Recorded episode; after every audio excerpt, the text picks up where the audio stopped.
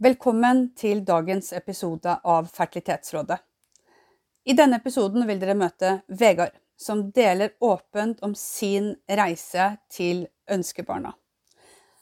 Han forteller om hvordan det er å være mann og få beskjed om å ha svekka sædkvalitet, og etter hvert også være avhengig og bruke sæddonor for å få sine barn. I denne episoden vil han gi råd og veiledning også til menn som står i samme situasjon. God lytting. Er du ufrivillig barnløs? I denne podkasten vil du få råd, veiledning, kunnskap, forskning og ikke minst underholdning.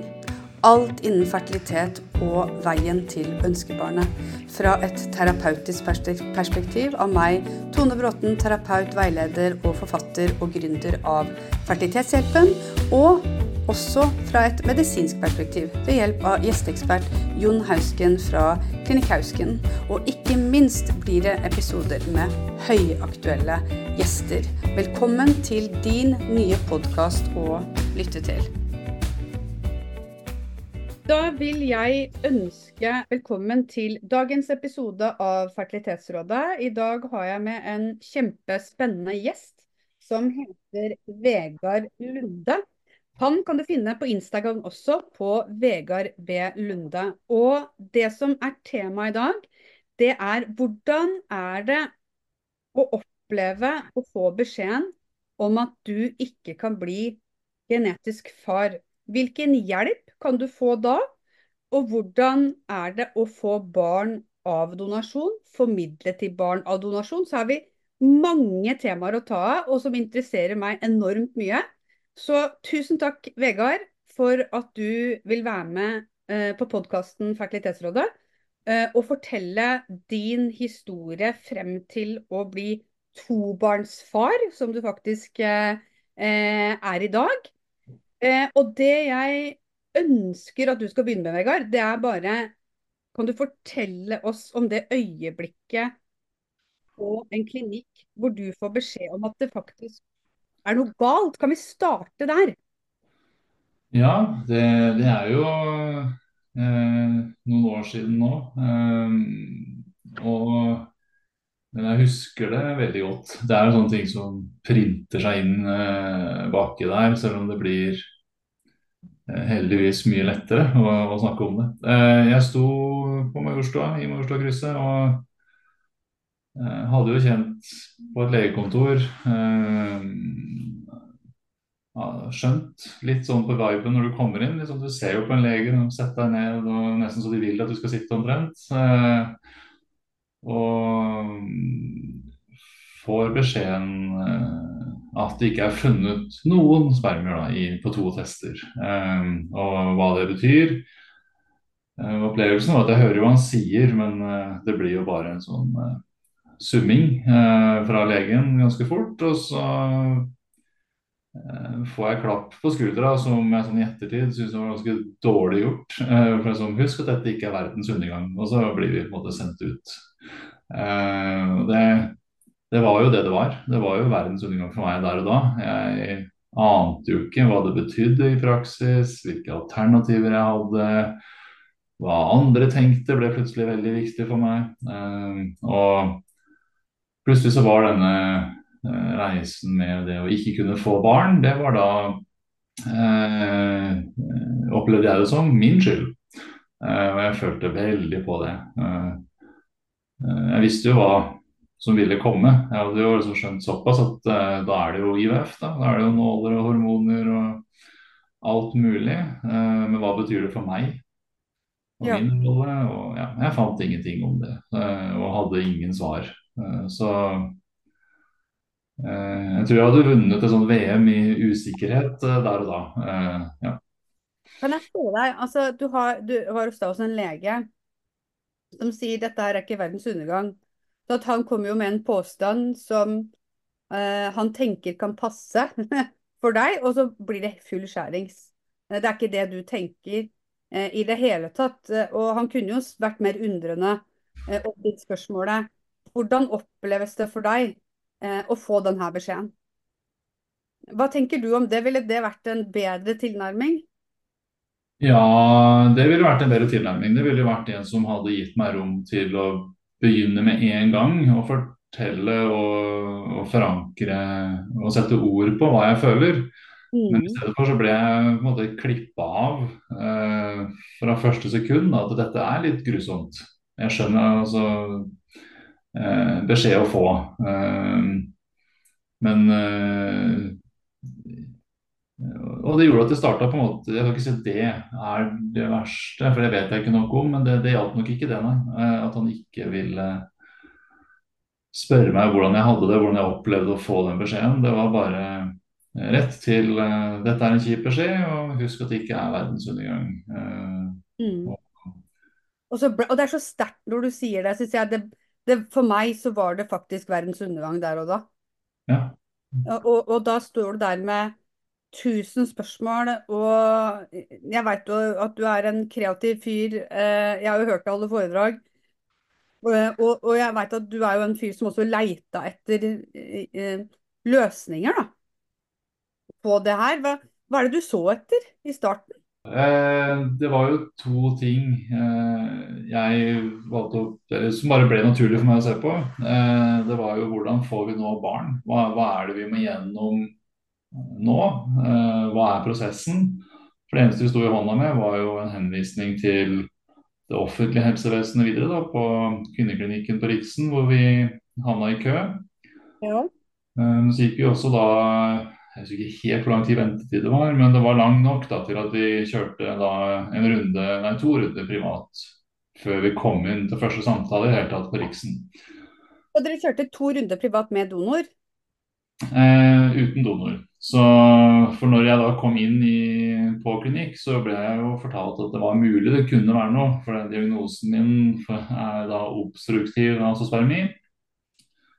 Um, så jeg har noe produksjon i bitestikkel som da hentes ut med nåler og alt som vi menn i hvert fall ikke liker å tenke på. Ja. ikke så vondt som det høres ut som. Mm. Men uh, kvaliteten på det var veldig dårlig. Uh, og det så vi på de egga vi da Vi fikk ut masse egg fra min kone, men de var Når de ble befrukta, så var det veldig få som utvikla seg, og det var ingen som hadde noen særlig høy eh, kvalitet heller. Men det var liksom høy nok til å prøve å sette inn. Eh, hun ble vel gravid begge gangene, men med abort i da uke syv begge gangene. Eller syv-åtte rundt der. Mm. Um, som også var en sånn brutal opplevelse, det også, på toppen av alt. Eh, det ene var jo på julaften til og med, så det var jo kjempegøy eh, å ha den med alt det innebærer.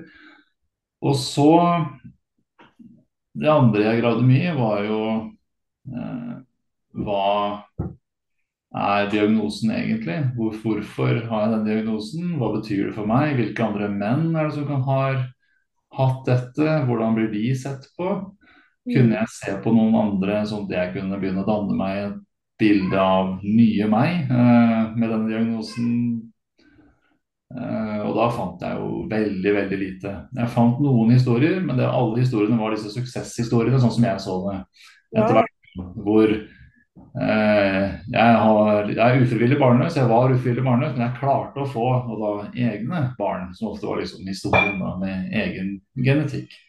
Mm. Gjennom masse slit og strev og tøffe historier, men de, de var ikke som min utvikla seg, da, hvor vi etter noen feil og forsøk både privat og etter hvert på Riksen, med mye, så fikk vi rådet til slutt at for å få bedre eh, embryoer, så ville donor være eh, mye bedre vei å gå. Og at her var det liksom lav sjanse for å lykkes med min genetikk. da.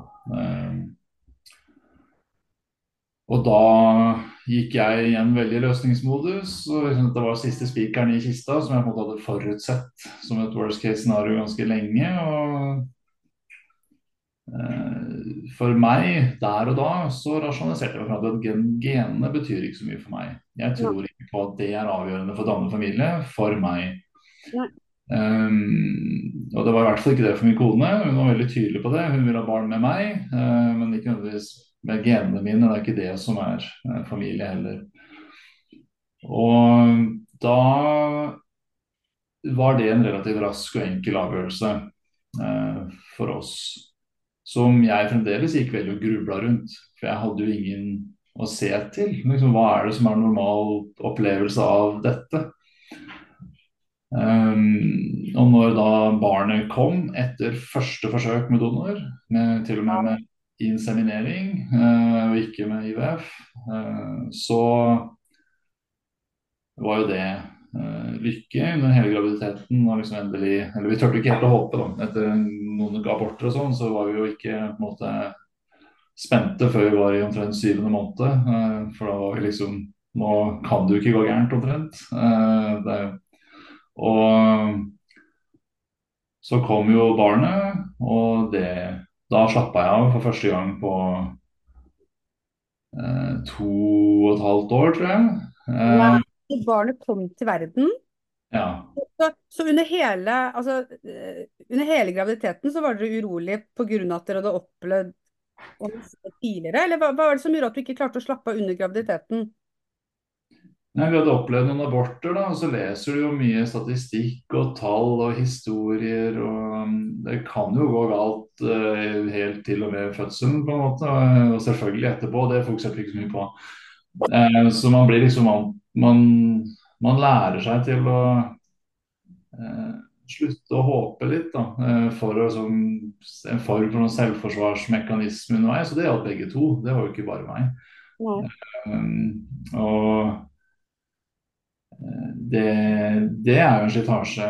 Eh, men da barnet kom, så slappa vi endelig av. Eh, vi hadde litt uflaks. Det var jo selvfølgelig kolikk på toppen, men eh, det var kanskje dråpen da, som dytta meg over kanten. For det er jo den liksom, siste delen av min historie og bunnpunktet på mange måter.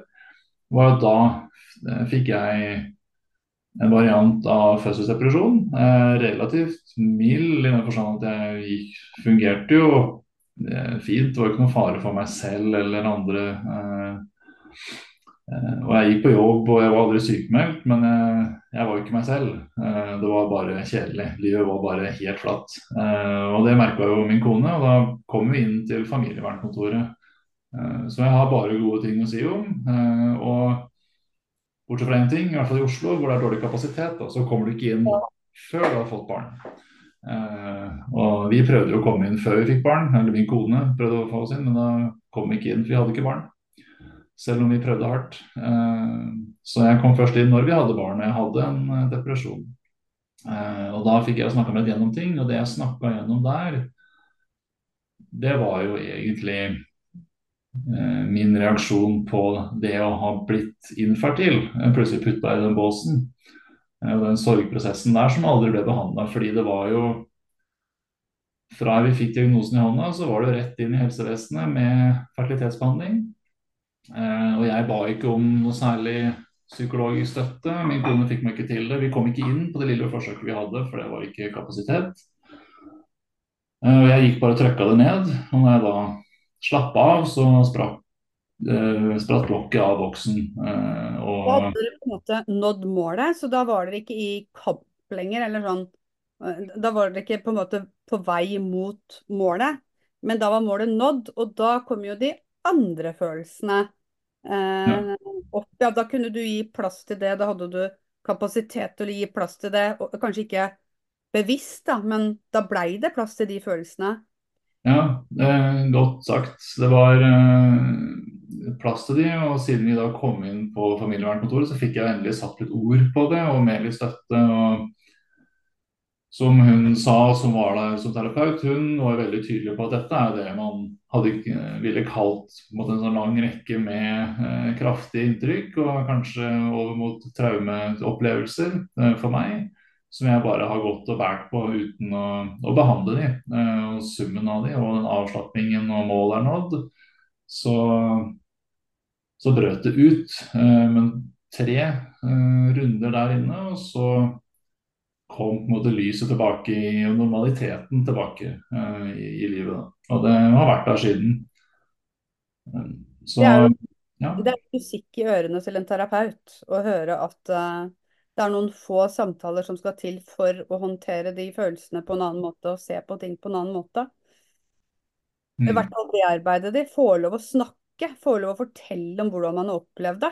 Men jeg lurer på en ting, jeg blir bare nysgjerrig. og det, altså Jeg jobber jo på en fertilitetsklinikk selv. Um, nå er det jo blitt sånn at, uh, i hvert fall på Klinikk Hausken, så er det sånn at alle de som får beskjed om at de må bruke donor, uh, skal i veiledningstime på lik linje som alle som skal ta eggdonasjon. For der er det uh, der der er det Bioteknologirådet som, og, og, og, Helsedirektoratet som har satt den regelen på en måte at man skal ha en samtale, veiledningssamtale hvis man skal gjennom eggdonasjon. Og så har det ikke helt vært det når det gjelder eh, sæddonasjon, i hvert fall ikke helt på lik linje. Men hva Da blir jeg så nysgjerrig, da, fordi eh, jeg møter jo menn som eh, Nummer én, de, mange er i sjokk Eh, nummer to, de har en partner som eh, mange er redd for å miste. Altså det, den kommer veldig kjapt. Bare oi, tenk om hun går fra meg nå. Uh, nummer to, skal jeg ta fra partneren min muligheten til å bli gravid med sine egg hvis jeg ikke blir med på donor? Men det kan bli en Og så har du helt vice versa, at det er menn som tenker at OK, jeg aksepterer donor, dette blir mitt barn. Og så er det kvinnen som har vanskeligheter med å akseptere donasjon. Så, det, så det, er no, det, er jo noen utfordringer som står her. Men hvis du hadde kommet til to-tre veiledningstimer etter at du hadde fått denne beskjeden den gangen, tenker du at det hadde gjort reisen annerledes for deg? Ja, altså det, det, jeg selv har overbevist meg om, er om jeg hadde kommet ut da med det klappet på skuldra og en litt uh, lite gjennomtenkt beskjed fra legen, uh, så skulle jeg ha to lapper i hånda. Det ene er en henvisning videre inn til fertilitetsbehandling, selvfølgelig, den vi fikk, men en til som hadde vært og kanskje spesielt som mann, men det her mener jeg burde gå til begge kjønn, uavhengig av hvem som får en fertilitetsdiagnose. At vi har familievernkontoret stående, eh, som er et lavterskeltilbud for familier eh, å løse opp eh, og få snakka gjennom ting. Og for å unngå da at par eh, løses opp. Eh, I hvert fall løses opp på en ordentlig måte i så fall.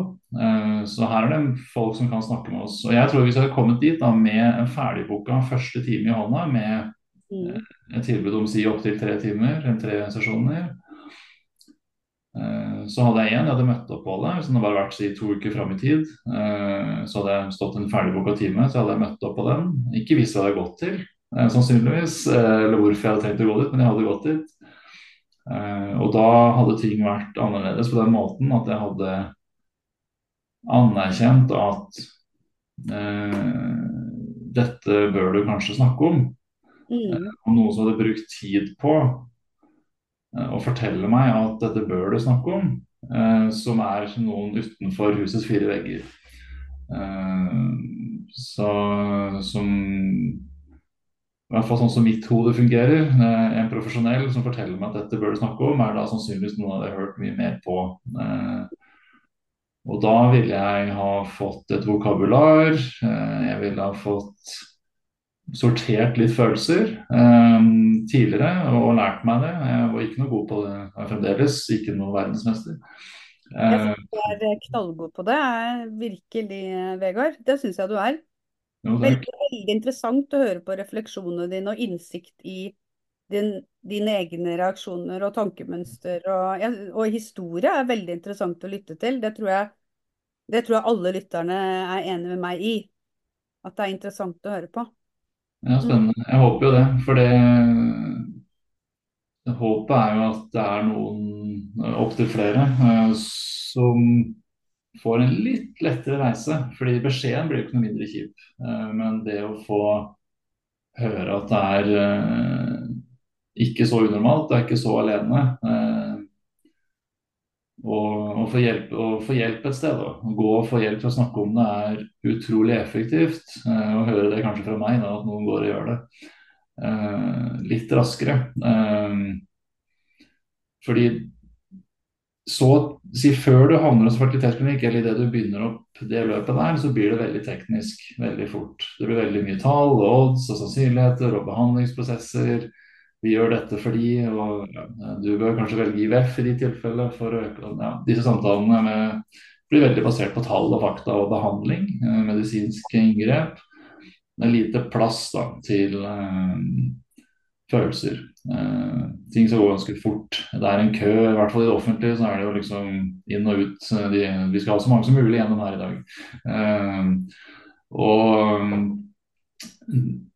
hvis man da i et helt eget løp før dette begynner, blir litt mer robust, får jobba gjennom denne reaksjonen på diagnosen før man begynner med denne ganske så tøffe behandlingen for, for veldig mange. Mm. Eh, selv når det er i balanse, så er det utrolig krevende å gå gjennom eh, mm. si IVF eller eh, annen fertilitetsbehandling. Jeg vil jo bare skyte inn og si at jeg opplever jo også den knekken du fikk etter at målet var nådd. Jeg opplever jo også at uh, noen menn får den knekken faktisk med en gang. Mm. Uh, ganske kjapt. Uh, og, og har problemer med å være så løsningsorientert som du var, da. men at alt blir svart, rett og slett. da. At den finner ingen løsning. Nei, jeg hadde mye støtte hjemme. Jeg har jo bra dame hjemme, så det var liksom det ja. som hadde gått med. Uh, hun ja, lot ikke slippe. Og, og det, er jo veldig, det er jo mange menn som altså Du aksepterte jo sæddonasjon eh, fort, men for noen menn så er det det som er vanskelig å akseptere, og at det er det vi må snakke gjennom. Og da Familievernkontoret er bra for eh, og Hvis man er heldig med terapeuten, og som mm. har også noe kunnskap om eh, det her. Men heldigvis nå, både offentlig og privat, så knytter fertilitetsklinikkene til seg eh, terapeuter. Ja. Og, og det tenker jeg er en fantastisk god investering. Og det symboliserer jo alt det du har sittet og sagt nå. Ja, Det er også viktig å si. da, Du må ikke gå til én spesifikk kilde. jeg tenker at Hvis du først havner i fertilitetsbehandling nå, så er det mye så Vi gikk gjennom denne tidlige fasen i 2017. og Det, har, det er jo ikke så mange år siden, men det har skjedd mye på de åra. Um, heldigvis. Heldigvis. Ja, og både private og offentlige knytter seg til. De er bare Riksen til og med har vel nå lyst ut på nytt en fulltidsstilling, tror jeg. Eh, og private har jo hatt det noen år nå på plass. Mm. Så det er kanskje beste investering man gjør hvis du ikke har kommet inn i den samtalen med litt støtte. Hvis du føler du trenger støtte i den samtalen, så, så ta deg selv i nakken eh, og gjør akkurat det. Fordi det er eh, det, jeg vet ikke om det er riktig å si, men det er jo på en måte også, det er ingen andre enn deg selv da, som kan åpne mm. kjeften og begynne å prate. Eh, eh, må kanskje ha hjelp til det, og komme i gang. Eh, og da eh, Det var det jeg tenkte. Det var det sparket blitt dratt inn i et rom hvor jeg forventa å prate. Jeg skjønte jo at ting ikke var som det skulle være. Eh, jeg hadde ikke helt troa på hvor effektivt det kunne være, men det, det, det var det jo. Og det er jo ganske ufarlig, det er jo en samtale. Det er jo ikke noe annet. Eh, Riktignok noen som vet hvordan de kan eh, jobbe med en effektiv samtale, eh, men eh, men Vegard, dere fikk jo disse eh, Nå har jeg sett jo en av datteren din, da, jeg kan si fantastisk eh, pene barna. Eh, og mange menn som jeg snakker med, er ikke etter at de har fått barn, så frykter de ikke det noe særlig. Eller det er ikke noen erfaringer noe særlig som de deler da. Men i forkant av behandlingen så er det mange som frykter og ikke klarer å knytte seg helt til de her barna. Og tenk om jeg tenker på at det er av donor, at det ikke er fra meg. Og hva vil du si til de mennene som sitter og føler litt på det? Uh, jeg, jeg, tror ikke det er noen særlig forskjell. Jeg tror det er mye det samme altså du, du, du, kommer jo Det er de samme tingene som slår inn som alle andre menn som får barn og blir fedre, eh, tror jeg. I hvert fall min opplevelse var det. Mm. Eh, jeg gikk jo og grubla på mye av de samme tingene. Hvordan vil dette påvirke min, min knytning, min rolle? Hvordan vil jeg bli oppfatta både av egne barn når de blir større, og andres barn og andre mennesker? Men så fort de var her, så forsvinner jo ting eh, veldig fort. Liksom, man må jo liksom minne seg selv på eh, hvordan de kom til, hva den reisen var. Eh, vi er jo flinke til å glemme kjipe ting. Vi er jo eh, heldigvis. Og eh, det er eh, Som jeg sa på når jeg holdt foredrag eh, for fertilitetsindustrien eh, og både for privat, så eh, Jeg innleda bitte litt med hvem jeg egentlig er. Fordi dette med å være en infertil mann er egentlig en veldig liten del av meg. Eh, det er jo ikke det jeg ønsker å snakke om. Jeg ønsker heller å snakke om mye annet, om det er stisykling eller om det er jobben min. Eh, det er jo det jeg virkelig syns er gøy. Dette er også veldig givende, eh, å kunne være en rollemodell som jeg selv savna. Ja. Så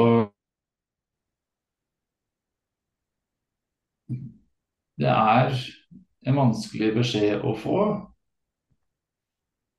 Men jeg tror det man er så tett på normalt som det går an å komme. Ja. Eh, ja. Og en opplevelse vi hadde, var jo noe som i barnehagen begynte å fortelle PED-leder, følte jeg, på et tidspunkt. Om eh, mitt barn førstefødte, da, eh, hvordan hun kom til verden. Og bare får en litt sånn herre Hva sa dere for noe til PED-lederen? Nei, jeg bare informerte om liksom, liksom, ja, om det var noe hun trengte å vite. Liksom. Det, sånn, hun tenkte jo da om det var noen alvorlige allergier eller noe sånt sikkert. Eh, hvor jeg da bare, Og hun her var jo ikke spesielt eh, lang erfaring heller, jeg er relativt ung. Og jeg bare sier nei, det er ikke noe spesielt, vi har måttet bruke donor da, for å få, få barn. Ba, ja, men her er det så mye rare familiekonsultasjoner. Det er helt normalt.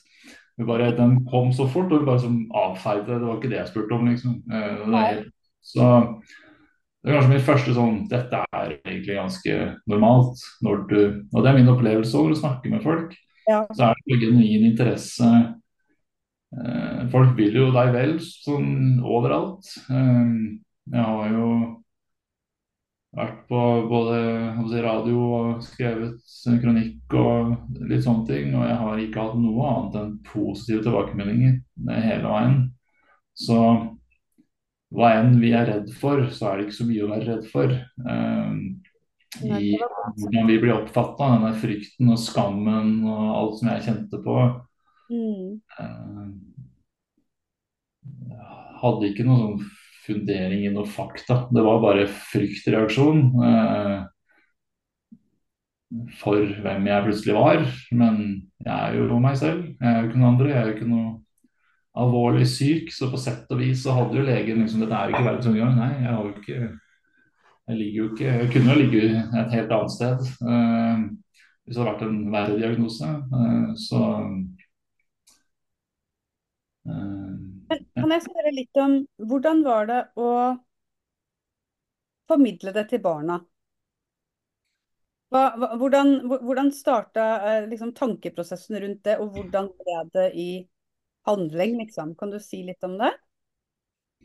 Nei, vi gikk jo eh, og leste litt her og der. Eh, liksom, hva, hva, er greia? Vi fikk jo bare med oss så vidt da, fra Helse-Norge om at vi har plikt til å informere. Så var vi sånn, jaha. og så leste vi litt mer på nettsida til Helse Norge, som er sånn, ja OK. Litt info om hvordan man kan gjøre det. Um, men så snubla vi over din bok, og da eh... Da forteller lytterne hva den heter. 'Ole er laget av et magisk rumpetroll', heter den boka. Ja. Mm. Så vi kjøpte den, fikk tak i den, og nå er den jo i trykk igjen, hører jeg, så da er det mulig å få tak i. Eh...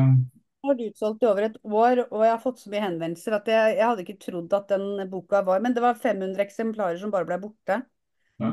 Nå har jeg trykka opp 1000 stykker, så mm. Ja, vi fikk vel en av de 500, tenker jeg. Og begynte å lese om uh, magiske rumpetroll, da, som uh, nå fireåringen uh, beskriver det som. men det er i vårt tilfelle fascinerende lite interesse altså for, for det. Hun er, kommer akkurat nå på en måte i en alder hvor interessen, forståelsen, kanskje ikke interessen, men forståelsen er litt mer der. Mm. Eh, det går an å liksom forklare litt hvordan ting fungerer eh, sammen med den boka, hvis det skulle komme spørsmål og at det setter seg litt. Eh, men Og det er jo viktig også, jeg vil bare si det, fordi i boka så er det jo en alders eh, Altså det er jo mellom fem og åtte år. Sånn Mm. at det, det at du på en måte kan fatte en interesse og bli litt større, er nok mer sannsynlig.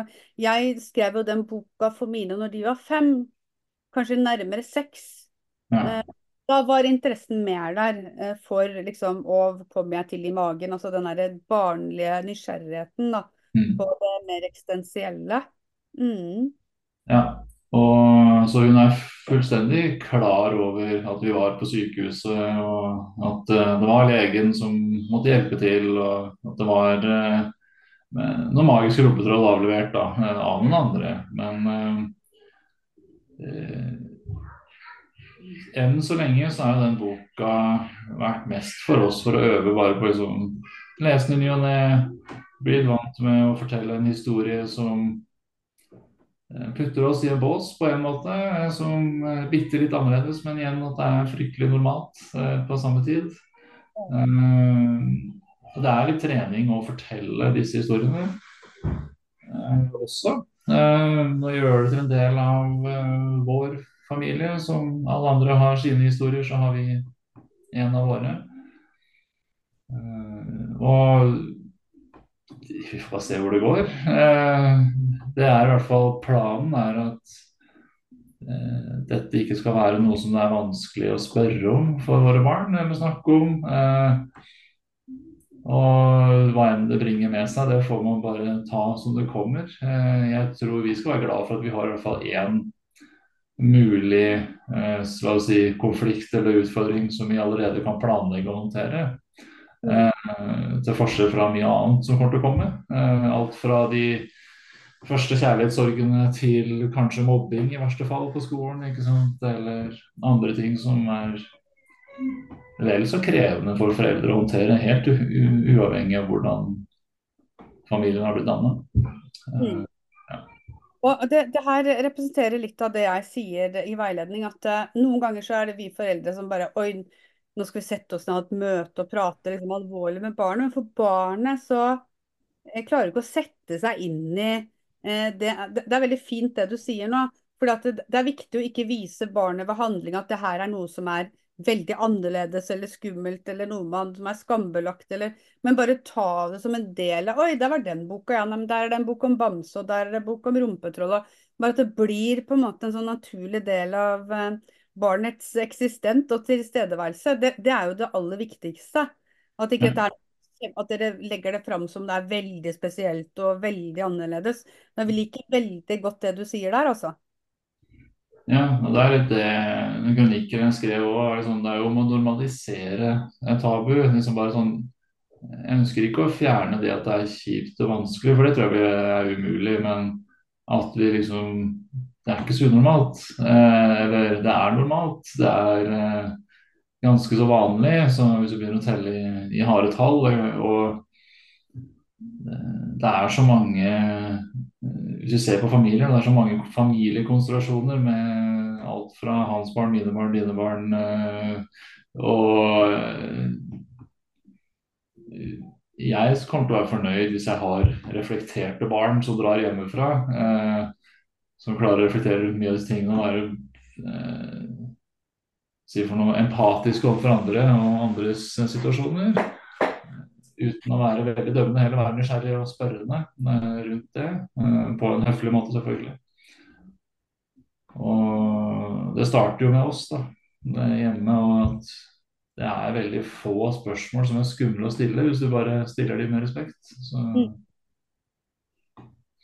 Jeg blir sånn rørt av historien din, og jeg liker eh, måten du forteller den på og reflekterer rundt det på. Jeg liker hvordan du eh, oppmuntrer mannlige lyttere til faktisk å snakke om det når de får beskjed om at de har svekka kvalitet, eller de kan ikke bruke det, eller de kan ikke bli genetisk pappa. Det her å eh, se for seg at vet du hva, det kan bli absolutt tilnærma normalen. At mange av de fryktene man går med i forkant, vil jeg knytte meg til barnet, klarer jeg å bruke donor? At man alt på en måte normaliseres litt. Kan, altså, det er noen som ikke vil gjøre det, og det, man skal ikke bagatellisere det. Men kan på en måte normaliseres eh, på veien, og hvordan det her å være barn av donasjon skal på en måte komme som en sånn, bare en naturlig del av eh, oppveksten. At det ikke er sånn kjempemøter når du er åtte år, og så skal vi fortelle deg noe veldig alvorlig, men at du, du da Nei, nå tar vi frem den boka, og så heter det 'Rumpetroll'. Jeg syns det, var, nei, jeg synes det her var en veldig fin samtale som, som kan være en god støtte til eh, mange, eh, mange menn der ute, og par, ikke minst. Kvinner som kan lytte til det her og vise til partneren sin. Jeg syns det var veldig bra. Er det noe, er det noe sånn avslutningsvis eh, du har lyst til å, å si? Noe oppmuntring eller råd, eller er det noe du har lyst til å dele før vi avslutter? Ja, det er vel mer ting vi ikke gjorde. Eh, vi gikk jo veldig eh, altså vi, kan røpe det, vi er jo prosjektledere av yrket begge to. Eh, og gikk jo veldig metodisk til verks og satte i gang så fort vi fikk en diagnose med at nå skal vi få barn. Og vi starta dette barneprosjektet og kjørte på. Jeg tror vi hadde hatt godt av å ta en fot i bakken, ta en pause Enten før vi satte i gang, eller på et eller annet tidspunkt under der, i litt større grad enn vi gjorde. Så jeg tror eh, mange, og om det er mannen eller kvinnen som ønsker å kjøre på, eh, tenk på at den andre kanskje trenger en liten pause. Eh, og kanskje du også trenger det, men ikke ser det. Eh, og eh, en sånn pause kan jo godt være da å eh, øve på å snakke med noen man har tillit til, om